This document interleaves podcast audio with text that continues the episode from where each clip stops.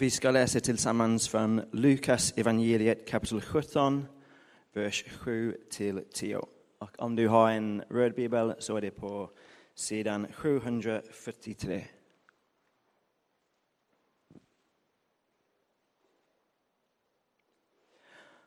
Om ni har en tjänare som plöjer eller vallar får, säger ni då till honom när han kommer hem från ägorna, gå genast och slå dig ner vid bordet. Nej, ni säger, gör i ordning maten åt mig, fäst upp dina kläder och passa upp mig medan jag äter och dricker. Sedan kan du själv äta och dricka. Inte förtjänar den något tack för att han gör vad, vad han, har, han är ålagd.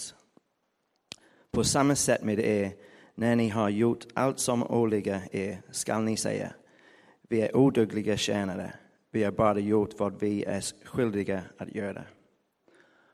Så leder det heliga evangeliet. Vi har en enkel strategi i vår församling.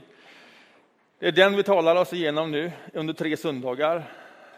Det är alltså svaret på frågan hur gör vi någonting? Jo, vi gör så här. Vi ber och vi bryr oss om och vi berättar.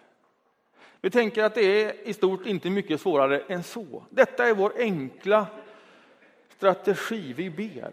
Och det talade vi om förra söndagen. Och idag handlar det alltså om att bry sig om. Och nästa söndag om att berätta. Eh, förra söndagen så tömde vi den här böneskålen som vi har och så fyllde vi den på nytt.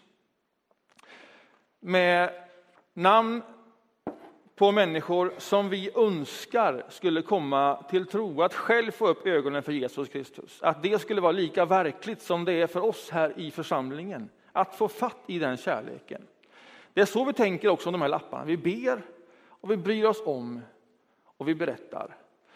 Det är så vi arbetar eh, och detta är liksom en symbol för det sättet. Alltså vem vill du be för detta år som du skulle önska kunde komma till tro. Det var temat för förra söndagen.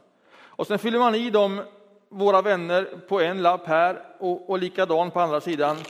Och så river man av den här och sen lägger man en lapp i den här skålen. Och så tar man med sig en lapp hem. Det här är de som du ber för. Människor som du skulle önska att också bönen blev en självklarhet, liksom det är för dig kanske. Och den andra, den hjälps vi åt och så överlåter vi oss till varandra. Så är ingen själv i sin bön. Utan varje vecka så lyfter vi tillsammans varandra och de vi älskar i bön inför Gud.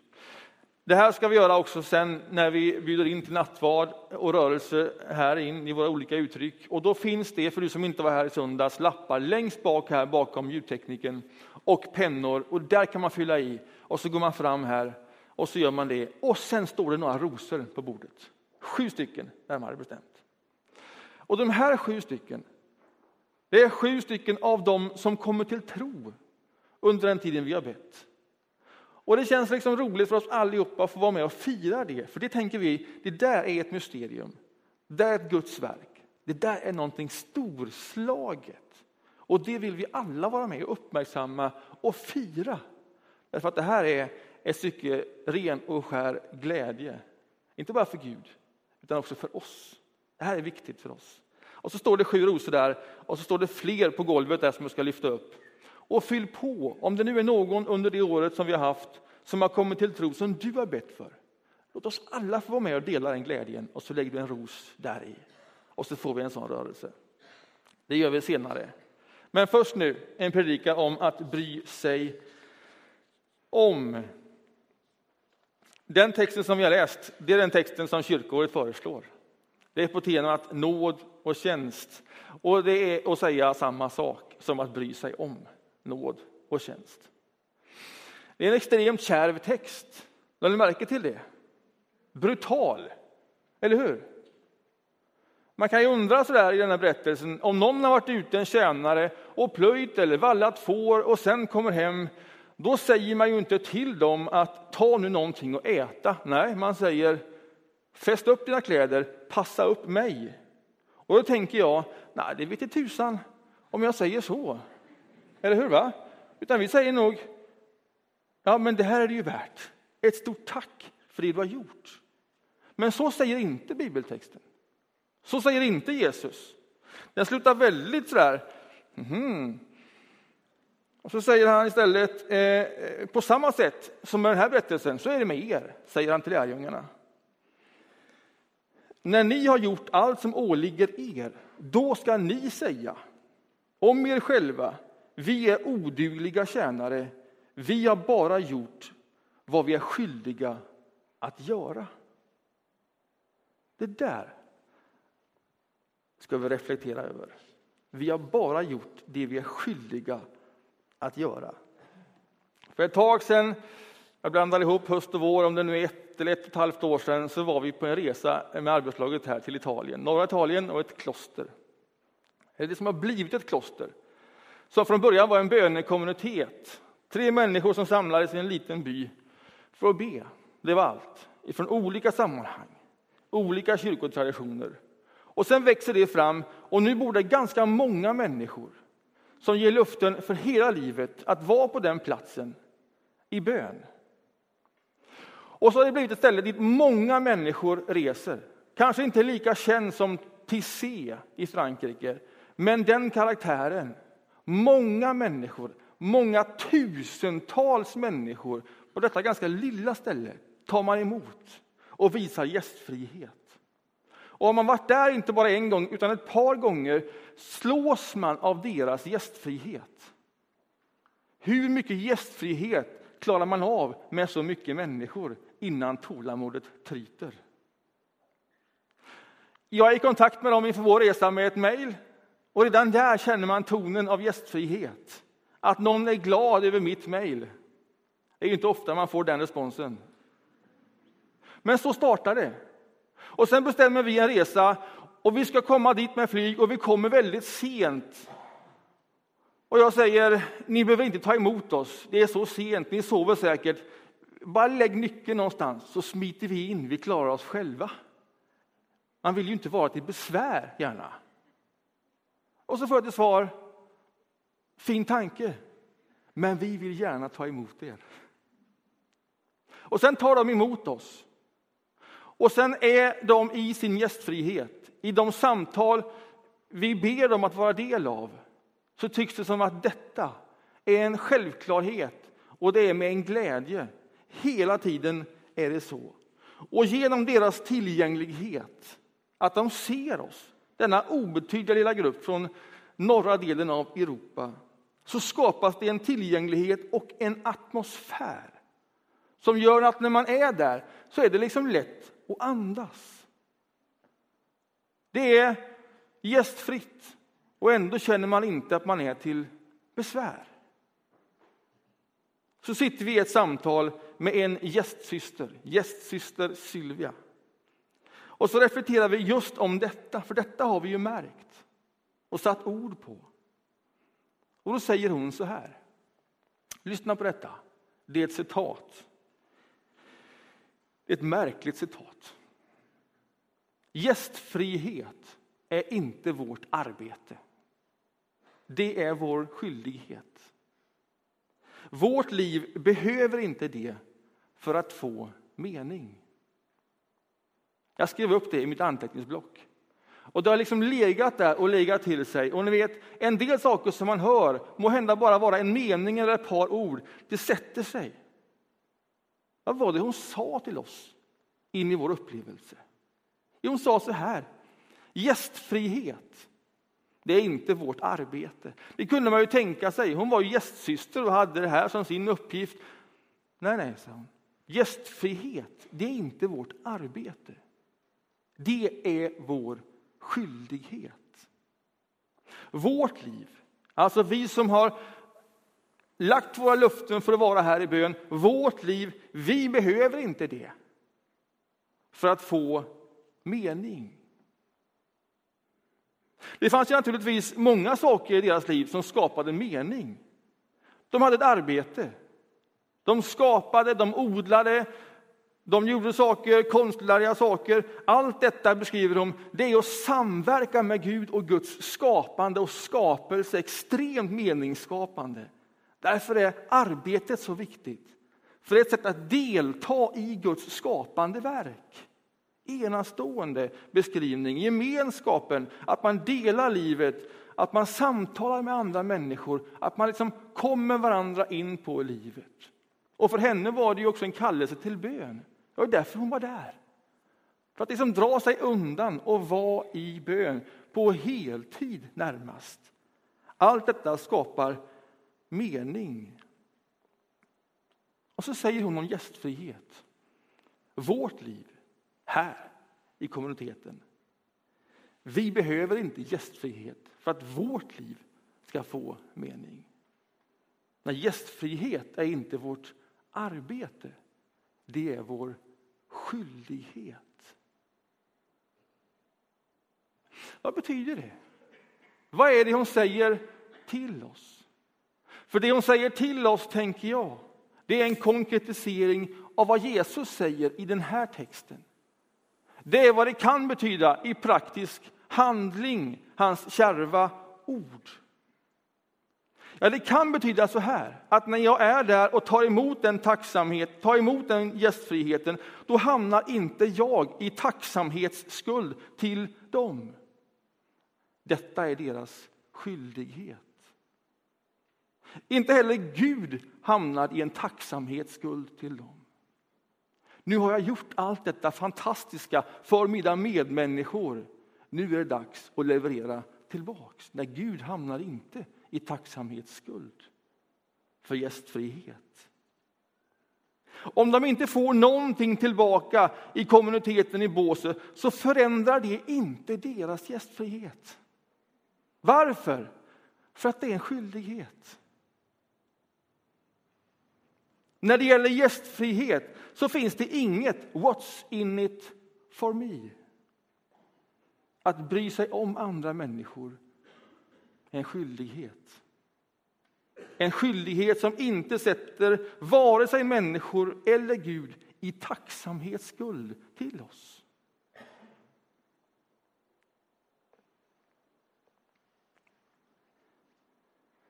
Är det så här man ska förstå en sån text? Hur låter det här? Och jag säger det en gång till, så att det hinner sjunka ner. Jag har ju ett visst försprång för er. Gästfrihet och att bry sig om. Det är ingenting som primärt, lyssna, ger mig mening och innehåll. Det är inget som jag förväntar mig ett tack för. Vare sig från Gud eller människor. Det är ingenting som sätter Gud och människor i skuld till mig. Nej, det är mer som en skyldighet. Det är som en nåd som vi ger vidare. Vi har fått allt och vi ger allt. Och vem står i skuld till det? Och den som tar emot det. Skyldighet på detta sätt andas inte något tungt ok för mig. Det är inte det jag upplever när jag är på detta stället och tar emot. Precis tvärtom. Det andas en ödmjukhet. Jag har fått allt och jag ger allt. Det är liksom baseline i mitt liv. Vad som än händer med mig har jag fått allt och därför ger jag allt. Det är liksom en skyldighet. Det är en konsekvens av nåden. Det handlar inte så mycket om mig. Jo, visst behöver jag meningsfullhet i mitt liv och det är mycket som skapar det. Men kanske att detta är någonting annat. Kanske. Pröva tanken. Och just därför, för att man kan leva ett liv där så mycket annat skapar den mening som mitt liv behöver. Det är många saker som gör det och som är goda saker. Men kanske inte gästfrihet och att bry sig om är en av de saker som måste till för att mitt liv ska bli meningsfullt. Det kan det bli ändå. Kanske just därför så behöver det en påminnelse, ett beslut, en överlåtelse. Att bry sig om är ingenting som bara händer. Även om det behöver hända. Det kräver tid, det kräver utrymme, det kräver att jag är där. Att jag verkligen är där, på plats och närvarande med hela min person. Kan det vara en skyldighet? Jag var på en föreläsning för inte alls länge sedan. Man hade samlat några fyra arbetsgrupper från kommunen för att arbeta med kommunens, kommunstyrelsens målsättningar. Det handlade om skolan och arbete och lika livschanser och rättvisa och stadsplanering och stadsbygge och bostäder. Och så ville man koppla på civilsamhället för att arbeta med målsättningarna ihop med dem. Och jag fanns där representerade kyrkan och för att förstå i vilket sammanhang Göteborg nu befinner sig, vart vi nu är och vad som har skapat våra utmaningar och fortsätter att skapa utmaningarna i staden så fanns det en professor som gjorde en, en föreläsning, en introduktion till, till, till dagen som handlade om globaliseringen. Den stora rörligheten av människor. Den stora omflyttningen. Hur man kan leva här och samtidigt leva någon annanstans i världen, samtidigt och parallellt. Och vad är det för gränser man flyttar sig igenom och vad är det för gränser man behåller? Och så håller han allt detta om den här storslagna globaliseringen där vi lever i en sån värld och samtidigt lever vi här och samtidigt lever vi i den här världen. Och så säger han en sån här mening som också den, liksom ifrån båset, hakar sig fast. På sin grova göteborgska så säger han så här. Ja visst är detta bra och det globala och vi kan kolla och vi kan vara i kontakt med sociala medier samtidigt som vi är här. Men, säger han, en frisör kan inte klippa någon på avstånd. Och det ligger ju någonting i det. En frisör kan inte klippa någon på avstånd. Det finns ett sådant uttryck, ett sådant behov oavsett hur global vår värld är. Hur mycket jag står i kontakt med andra världar och delar av vår stora värld på olika sätt. Det är skillnad på att ringa någon och att ha någon här. Där jag möter någon öga mot öga, ansikte mot ansikte. Det händer någonting i det. Som mycket annat inte kan ersätta. Komplettera, bidra, hålla vid liv, starta igång. Men i det mötet händer någonting som handlar om gästfrihet, att bry sig om. Som kräver min tid, mitt utrymme, mitt engagemang, min närvaro. Att jag faktiskt är där. En frisör kan inte klippa någon på avstånd och alla behöver klippa sig någon gång. Tänk om det är så här, att bry sig om är en skyldighet. Det kanske är så att det är inget vårt liv behöver för att få mening. Jag kan hitta många andra saker som skapar meningsfullhet. Som jag planerar ut efter. Hur jag sätter min agenda och mina mål. Hur jag tänker i mitt liv.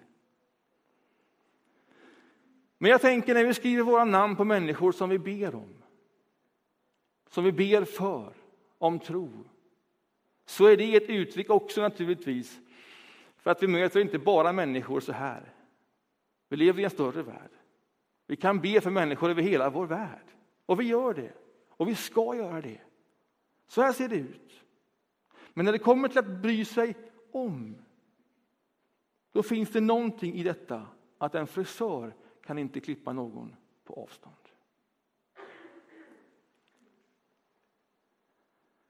I det beslutet att be för människor, låt det också bli ett beslut om att bry sig om. Att det får ta tid. Att du tänker på det i ditt liv som en skyldighet. Att du låter tiden och utrymmet finnas där. Att du välkomnar någon in i ditt hem, någon utanför din relativt trånga krets under det året som ligger framför. Och när du gör det, när du bryter upp din lilla cirkel och gör det, att du då tänker inte om dig själv, nu gör jag någonting storslaget. Detta är jag ett tack skyldig, åtminstone från någon. Nej, tänk då, mer ödmjukt och mer i linje med vad Jesus säger. Detta är vår skyldighet. Detta är vår skyldighet.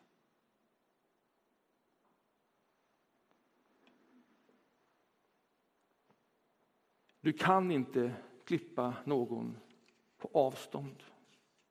Finns det rum för en sån gästfrihet i ditt liv i det år som ligger framför?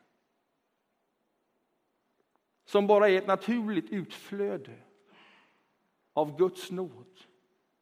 Att du har fått allt och att du därför ger något av detta vidare.